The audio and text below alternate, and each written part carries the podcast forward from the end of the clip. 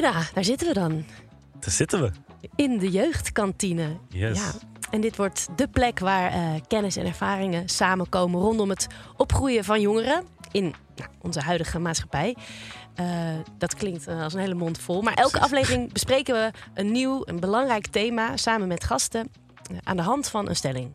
Ja. ja, en die stellingen zitten dus hierin, in dit prachtige doosje. Die ga ik zo meteen openmaken, als dat, als dat mag voor jou. En eh, ja, eigenlijk voordat we deze gaan openmaken, voordat we de stellingen bekend maken, moeten we misschien onszelf even, even voorstellen. Ik denk dat het wel leuk is, toch? Ja. ja, en misschien moeten we gewoon elkaar voorstellen. Want het is Elkaar? ongemakkelijk om jezelf voor te stellen. Ik dacht, kijk, ik weet nog niet alles van je. Ik weet een paar dingen van je. Ga je gang, ik ben benieuwd. Ridda, Ja. 21 jaar, Ja. ontzettend knap. Sorry, dat eh, laten we even terzijde. Nee, je bent eh, content creator. Ja, dat vind ik Ja. woord wat ik zelf dus nooit zou gebruiken. Maar, maar zo zou jij het wel noemen, toch? Ja, klopt. Content. Dat betekent dat je gewoon allerlei dingen maakt online. En eh, je bent presentator. En je bent vooral gewoon heel goed in... Ben je zelf eigenlijk goed in vechtsporten of weet je er veel van? Ehm, ik wil niet zeggen goed, maar ik doe het wel heel lang. En ik weet er heel veel van, ja. Ja, dus je maakt Ja. heel veel filmpjes over vechtsporten. Ja, klopt, klopt. Ja, en jij bent Nienke. 37 jaar oud, als ik het goed zeg. Correct, helaas. Eh, TV-presentatrice. Ehm, waar ik jou vooral van ken, is eh, uit de klokhuisperiode. ik keek eh, vroeger elke dag naar je. Stiekem een soort van fanboy vroeger, weet je wel. Long time ago. Long time ago. En inmiddels eh Drie op reis en al die andere leuke tv-programma's. Dat, dat, dat ben jij, denk ik, toch? Ja, zo Oh, ongeveer, en je ja. hebt een kind. Ah, ja, dat klopt. Ja. Ja. Dat is in dit, in dit geval, want inderdaad, eh, ik, ik ben moeder van een, een kindje pas van één. Dus heel veel onderwerpen die aan bod gaan komen, eh, zijn nog niet van, op, eh, van toepassing op mijn kind. Maar er zijn wel dingen waar ik al best vaak over nadenk van, oké, hoe, hoe gaan we dat aanpakken? Ja. Dus ik ben heel benieuwd wat we allemaal gaan bespreken eigenlijk de komende afleveringen. Ik ook. Ehm, zal ik maar gewoon deze Ja, dit- dit doosje open. open. gaan maken? Dit is eigenlijk altijd het startpunt van onze, van, van onze podcast. En hier, zit een stelling, ja, wat een soort van ijsbreker is van de aflevering. En eh, als ik dit open krijg.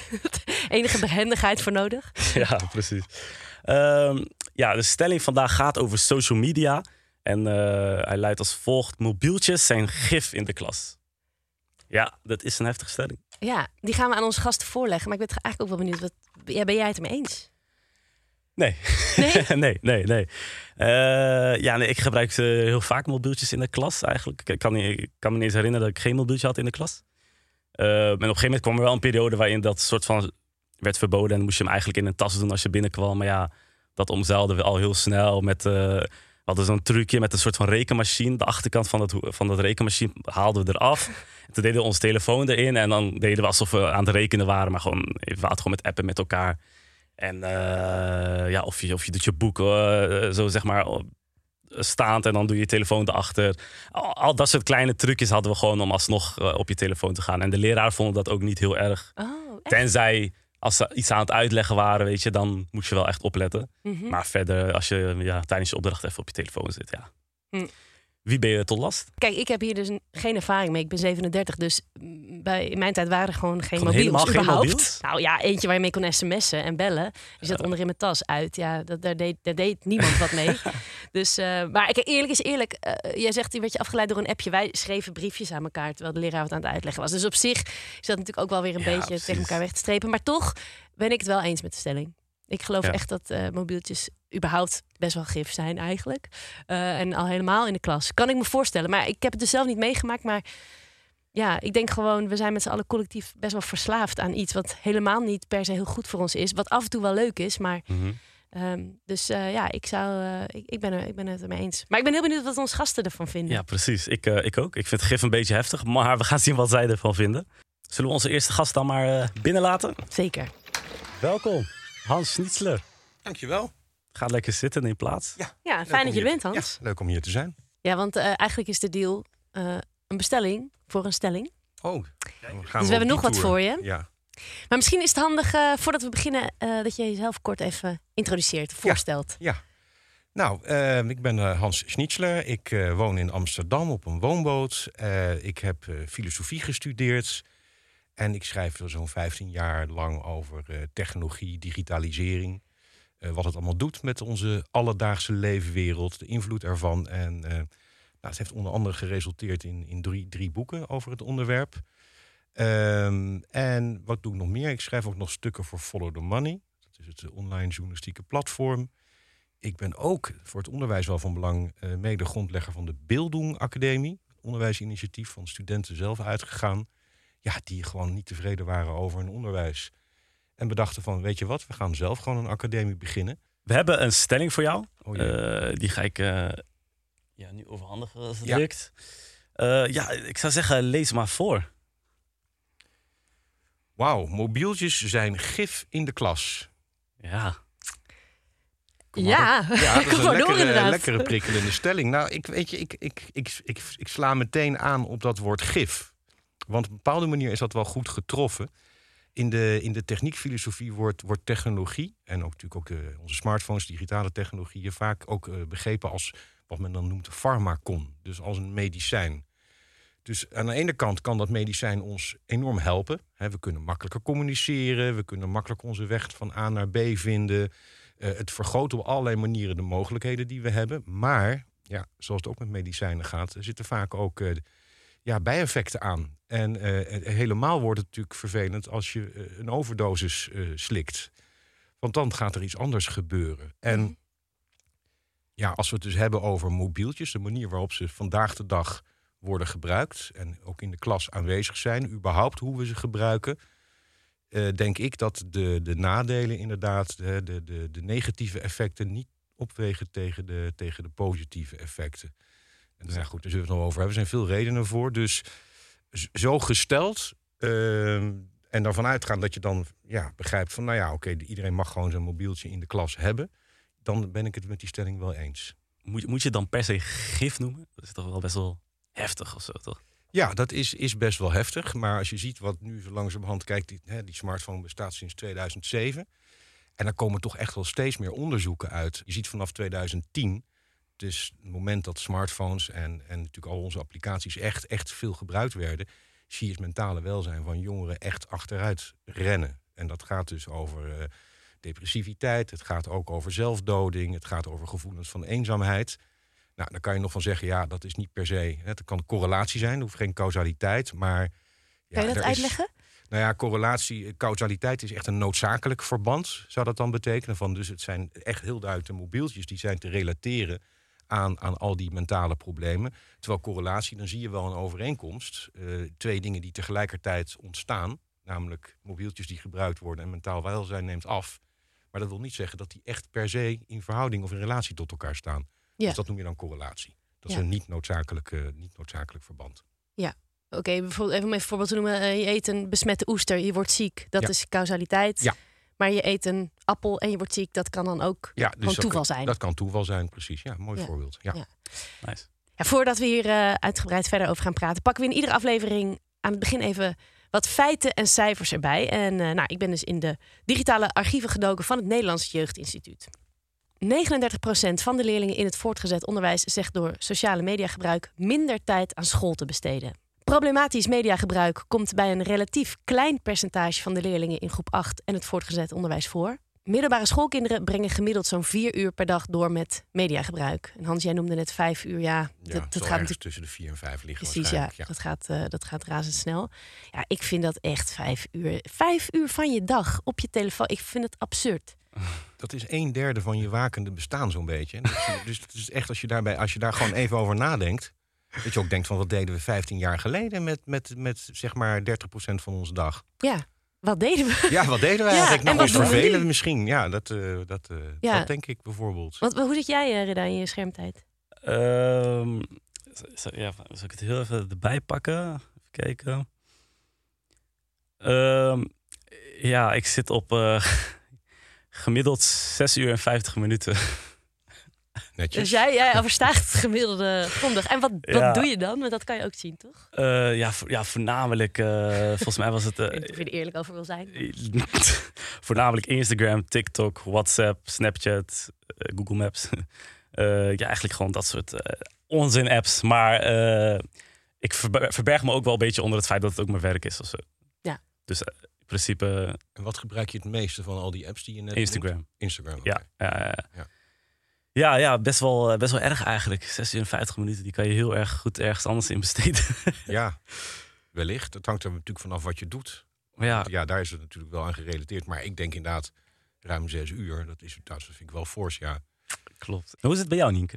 Nou ja, ik eh, heb hem in mijn eh, beginscherm staan, zodat ik eh, eraan word herinnerd. Eh, vandaag is 29 minuten.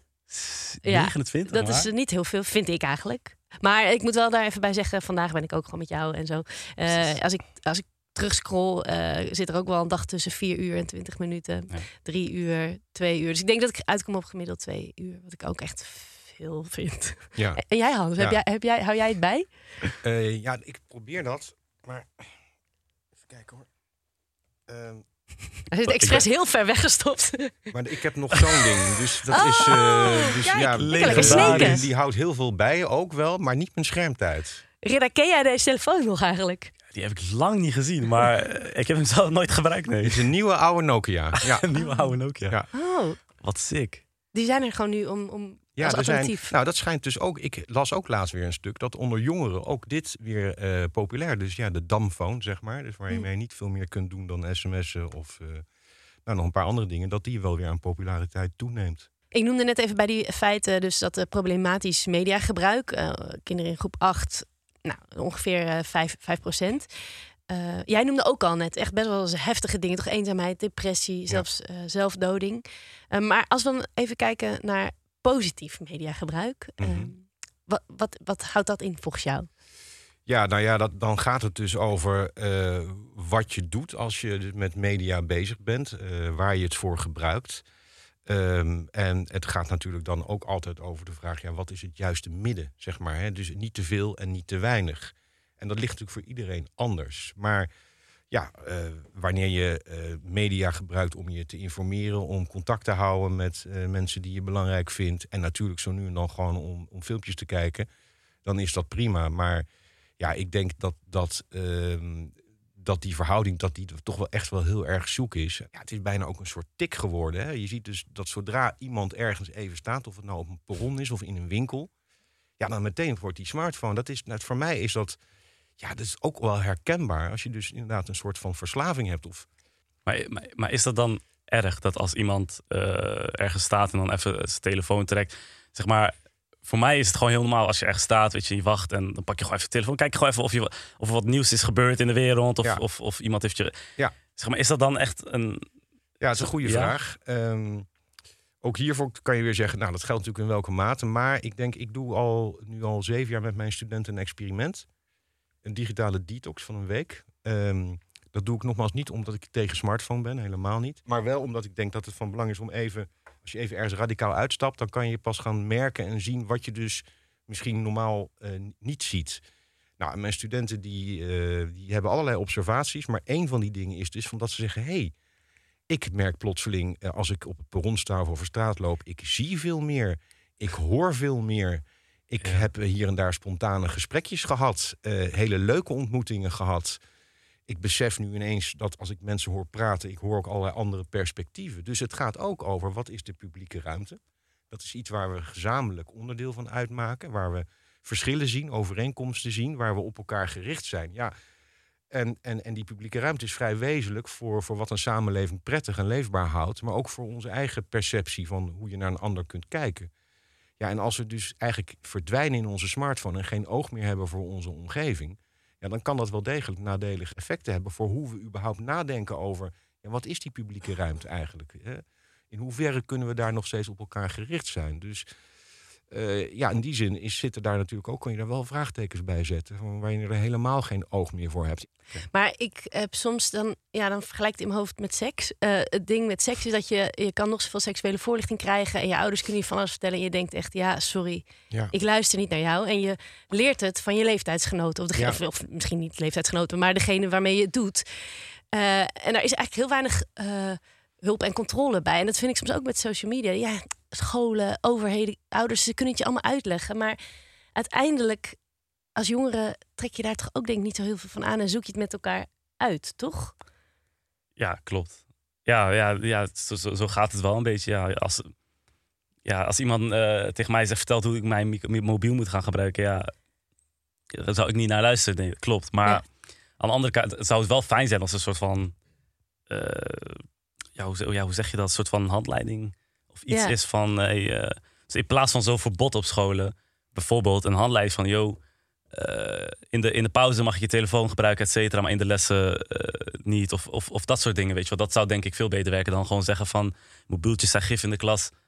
Weg met die mobieltjes op, op, op de school. Het is gewoon verboden, zeg maar. Snap je wat ik bedoel? Ja, maar ik kan me ook voorstellen dus dat je dan, als je een handleiding krijgt van een leraar over omgaan met je... Ja, want dat wordt natuurlijk ook vaak gezegd. Zo, eh, leerlingen Ja, moeten het ook leren Ja, om ermee om te gaan. Ja. Maar ehm, ja, werkt dat? Nee. Nee, dat is nee, ook wel. Er is nee. natuurlijk van alles geprobeerd op scholen. Kijk, het feit dat nu zo'n mobieltjesverbod in de lucht hangt, komt natuurlijk omdat gebleken is dat zelfs als je met kluisjes werkt of eh, in het begin van de klas laat eh, neer, dat het nog steeds gewoon zo'n aandachtstrekker is. En dat dat echt ten koste gaat van nou ja, socialiseringsprocessen die je natuurlijk hebt met elkaar, van het kunnen leren überhaupt. Ehm, dus ik denk juist dat je het, dat je het eigenlijk wat we nodig hebben is. En, en inderdaad, je, je hebt natuurlijk helemaal gelijk als we als onder, onderwijzer of, of als ouder gaan zeggen wat je wel of niet moet doen. Nou, op een bepaalde leeftijd werkt dat Ja. dus meestal averechts. Dus ik denk, ehm, we hebben het vaak over mediawijsheid of eh 21st century skills. Allemaal heel belangrijk. Maar daar zou echt een belangrijk onderdeel in deze digitale werkelijkheid, waarin we voortdurend afgeleid worden, is aandachtsmanagement. Het, het zeg maar laten ervaren eh, van wat het betekent wanneer je even dus niet die smartphone in binnen bereik hebt en op een aandachtsvolle manier met iets bezig kunt zijn of met elkaar bezig kunt zijn. Als ik jou goed begrijp, om het echt aan te pakken, moeten we dus veel breder aanpakken. Ja, we zullen dus eh, echt, echt als, als samenleving, en dat klinkt misschien een beetje vaag, maar eh, dit gesprek is heel erg belangrijk. Eh, En ik ben ook daar, alleen daarom al blij dat die mobieltjes nu de klas uitgaan, want dat zet wel een gesprek in werking. En ja, zo'n experiment, als ik met mijn studenten doe, ja, dat kun je zelf ook een keer proberen. En dat zou ik altijd adviseren om dat met een groepje te doen, want dat levert allerlei interessante inzichten op waar je het met elkaar over kunt hebben. Het is een onderdeel van ons leven. Maar ja, we zullen wel een, een kritisch digitaal bewustzijn eh, met z'n allen moeten ontwikkelen. Ja, een school is toch wel de omgeving daarvoor. Een kritisch digitaal bewustzijn. Ja, dus kritisch in de zin van dat je eh, enerzijds gaat dat over van hoe verhoud ik mezelf tot die schermwerkelijkheid. Wat hè, staat het nog wel ten dienste van mij of sta ik ten dienste van die telefoon bijvoorbeeld? Mhm. Dus het is eigenlijk daarmee ook een soort ethische oefening. Wat vind je, wat vind je waardevol? Nou, als jij zes uur per dag aan je smartphone vindt, zit, dan vind je dat misschien heel waardevol. Maar wellicht zijn er nog andere dingen. Maar het gaat ook over, je kunt zo'n zo'n zo'n eh, experiment ook gebruiken om het dus gewoon te hebben over ja, wat is technologie eigenlijk? Wat doet het voor ons? Wat doet het niet? Hoe zit het met die verdienmodellen van die grote bedrijven? Hoe zit het met ja, nepnieuws? Hoe werkt dat dan eigenlijk?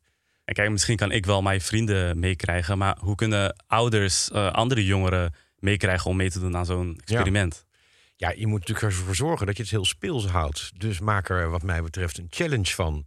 Waarbij je elkaar ook beloont als je dat, ik noem maar wat, een paar dagen volhoudt. eh, elkaar een beloning in het vooruitzicht stelt. Of denk ook na wat je tijdens zo'n zo'n detox kunt doen met elkaar. Waarvan je misschien als, als gezin of als ouders, eh, waar iedereen blij van zou kunnen worden.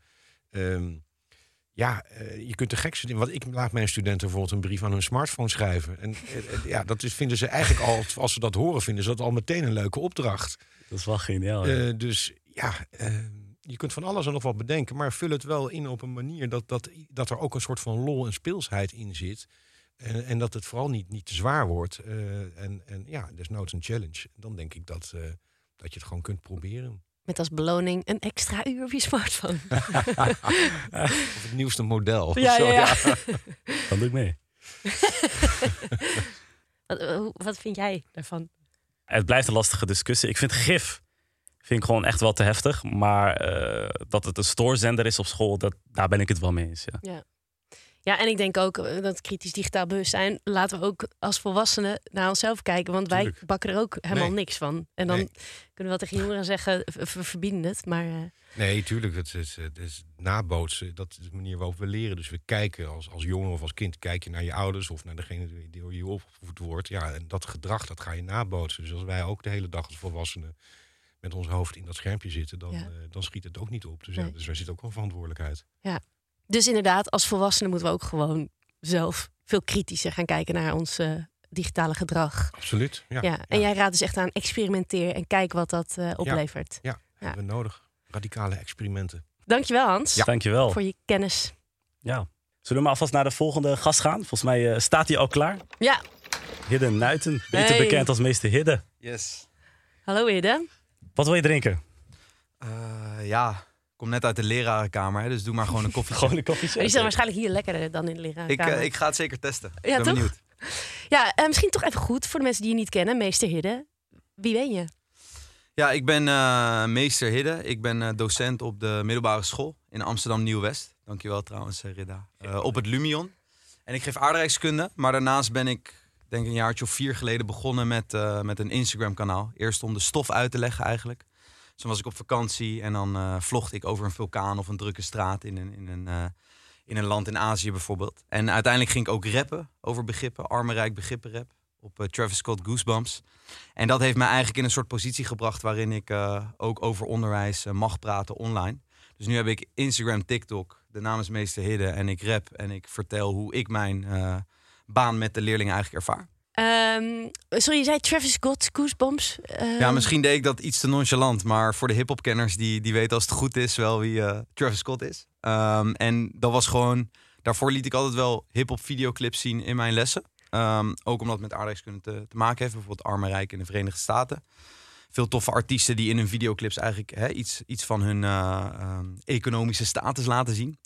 Eh, en vervolgens vroeg iemand naar een begrippenlijst over Arme Rijk. En toen dacht ik, hey, ik kan dit ook gewoon zelf. Ik heb als middelbare scholier zelf altijd gerept in de tussenuren met mijn vrienden, zeg maar, om de tijd te doden.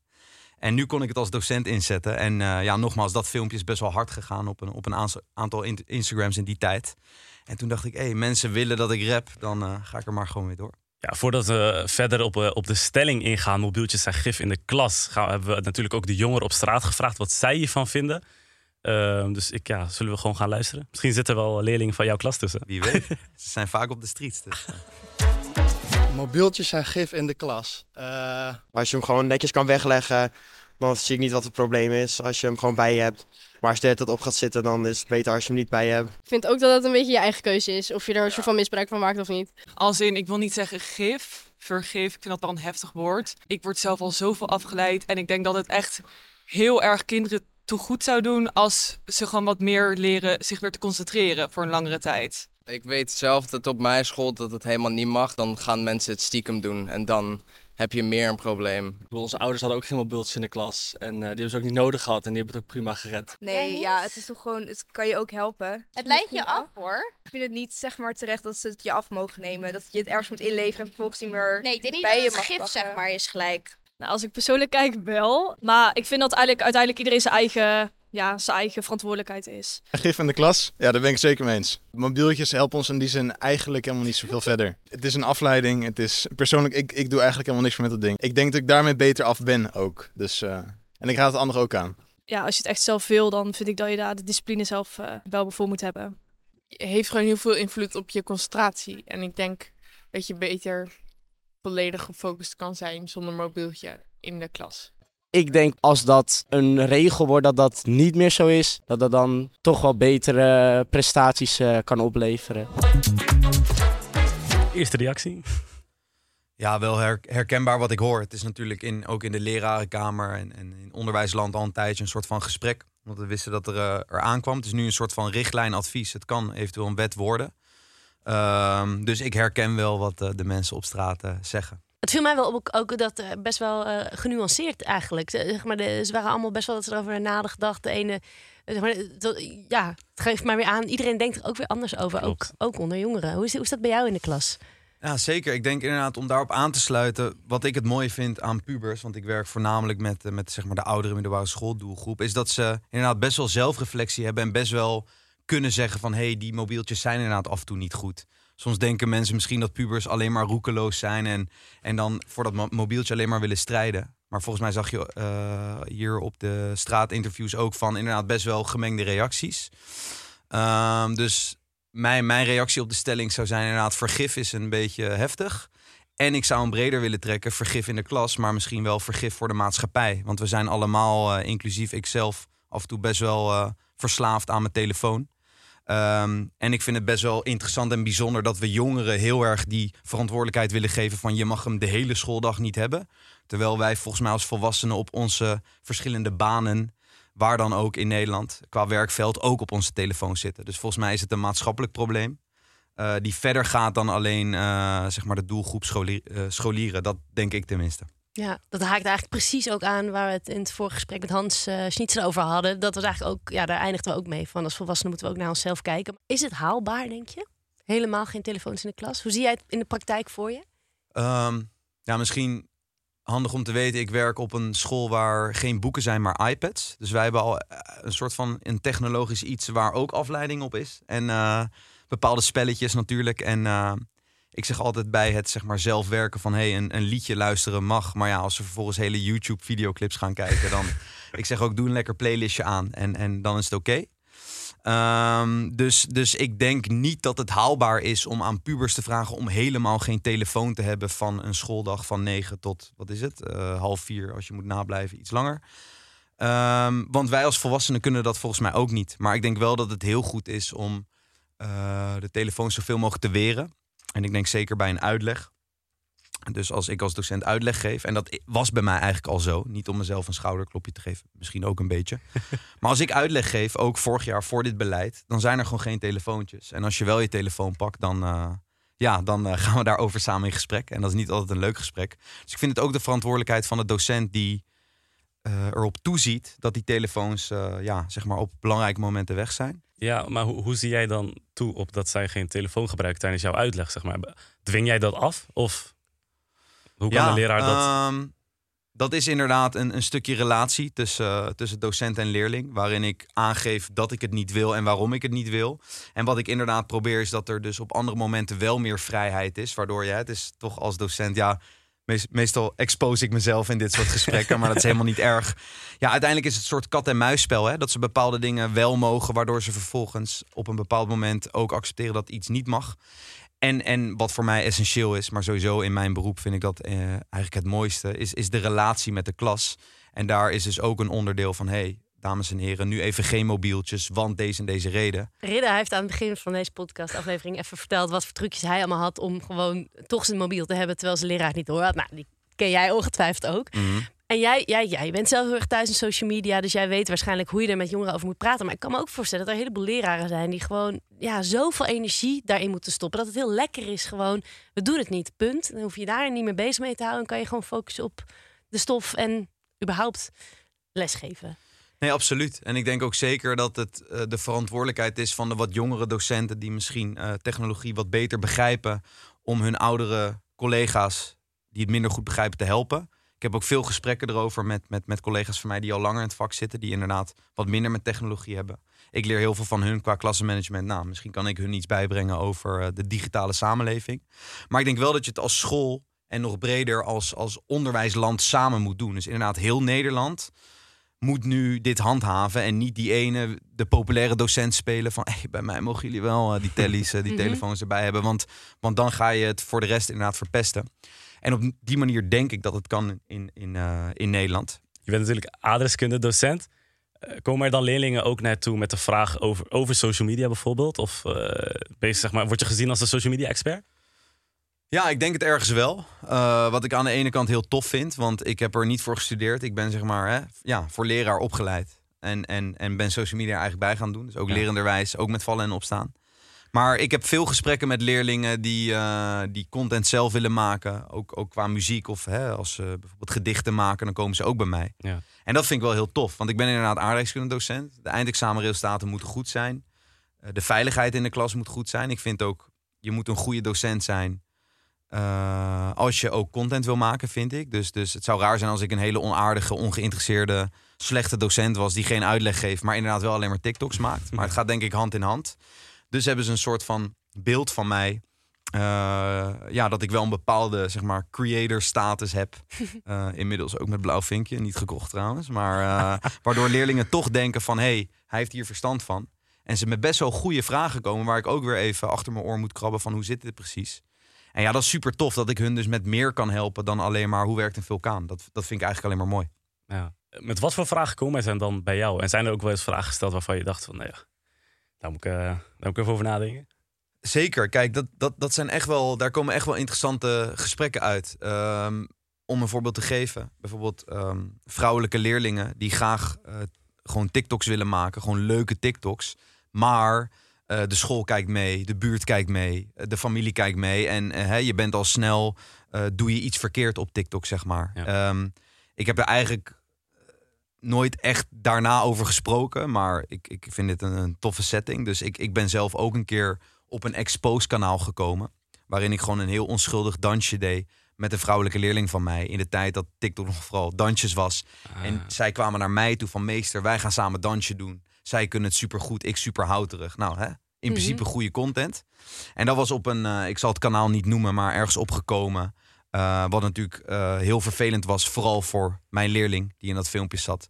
Want, dat Ehm, werd, want een expose kanaal is eigenlijk waar gewoon content wordt gedeeld die gewoon schadelijk is voor mensen. Ja, of met een bepaalde caption, waardoor het een totaal andere wending krijgt. En waarin je dus ook leert. Daarom het was heel leerzaam voor mij. ehm, eh, dat ik weet van, oh, maar als ik dus leerlingen in beeld breng, kan het op de verkeerde plekken terecht. Oh, en wat heb je toen gedaan? Nou, uiteindelijk is het heel goed opgelost. Dat meisje is er heel volwassen mee omgegaan. Eh, ik heb gewoon met haar thuisfront daarover overlegd. Want het werd op een zaterdag werd dat op dat kanaal gezet.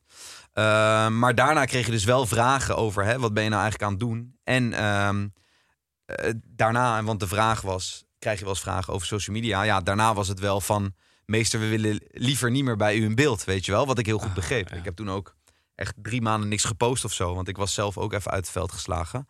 Eh, terug te komen op de vraag: kan je er met ze over praten? Ja, dat was een hele vervelende gebeurtenis. Maar het heeft wel hele mooie gesprekken opgeleverd.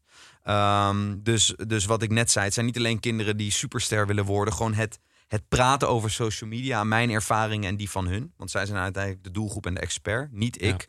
Ja, dat, dat gaat dieper dan alleen maar... hey meester, tof filmpje. Of hey meester, wanneer 101 bars. Ehm, eh, da- ja, dan kan je uiteindelijk echt gesprekken hebben. Maar oké, jij wil content maken, maar blijkbaar voel jij je tegengehouden. Hoe komt dat? Ja, en als je dan dus dieper gaat graven, dan, dan zit daar dus iets achter. Hè? Een bepaalde schaamte tegenover familie of school of vrienden. En ehm, hoe pijnlijk ook, maar dat eh, leidt wel tot de, tot de meest eh, interessante gesprekken.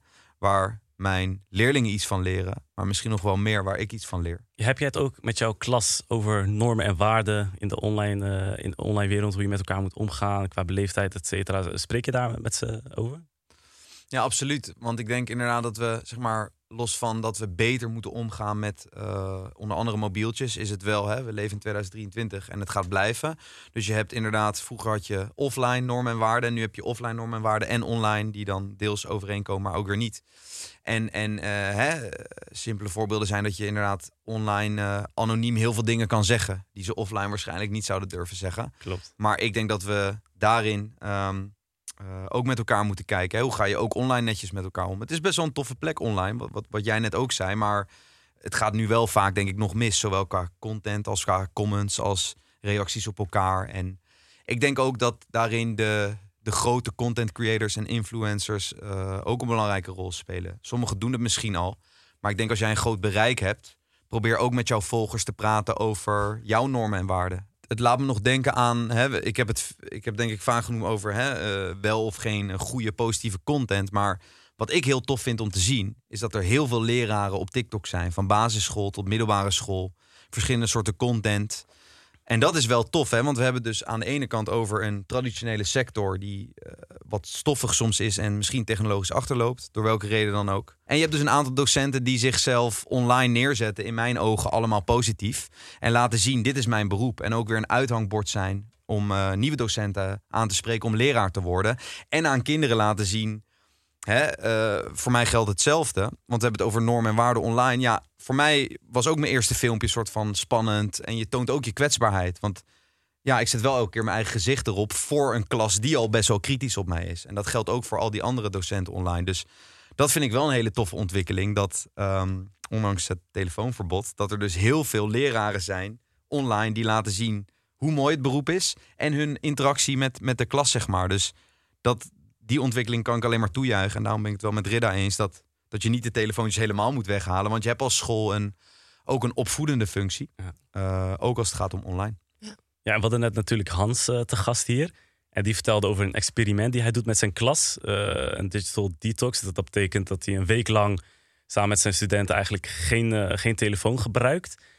Is dat, is dat voor jou ook zeg maar, haalbaar? Of, of zou, zou jij dat wat eh, lijken? Ja, absoluut. Ik, eh, ik denk juist dat het heel goed zou zijn. Zowel voor de klas als voor mij als docent of andere docenten. Ik denk dat zij er heel erg voor open zouden staan eh, om dat te doen.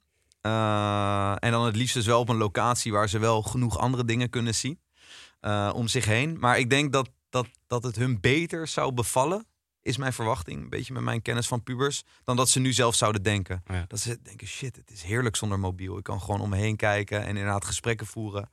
En ook bijvoorbeeld alleen al in de pauze op school. Ik moet zeggen, bij mij gaat het nog echt wel goed. Ze zijn juist in de pauze lekker met elkaar in gesprek en, en, en, en roddelen en noem maar op. En die telefoon is even weg. Het is vooral in de klas een probleem.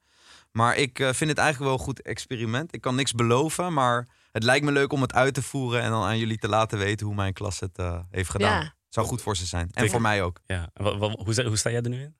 Eh, nou ja, ik ben dus nu iets wel een beetje aan het bijtrekken. Omdat ik denk van ja, je kan het verbieden, punt. Maar als je dan nog steeds als leraren en als school en als overheid je er verder niet mee bezighoudt, daaromheen eh blijft het probleem bestaan en wordt het misschien inderdaad nog wel veel Mhm. groter. Mhm. Dus ik vind als signaal nog steeds goed dat dat verbod komt. En het- ik zei al, het lijkt me heerlijk als er een leraar is die tegen mij zegt, nu moet je telefoon weg. Want ik ben er zelf ook verslaafd Ja, aan. ja, en ik ben zeker. helemaal eens, we moeten als volwassenen gewoon, of als maatschappij er met z'n allen wat, eh, wat mee. Ja. Klopt. Dankjewel, Jede. Jullie bedankt. Ja, Reda, we zien elkaar over twee weken weer. Dan is er een nieuwe aflevering. Over armoede. Ja. Ik, eh, ja, nou, ik wou zeggen, ik heb er zin in, maar wel een heftig onderwerp. Maar ja, ja over twee weken zijn we er weer. Dan gaan we het daar uitgebreid eh, over hebben met twee nieuwe gasten. Inke, bedankt. Ook. Ik ga nog door. over twee weken. Wil je meer informatie? Ga dan naar www.nji.nl.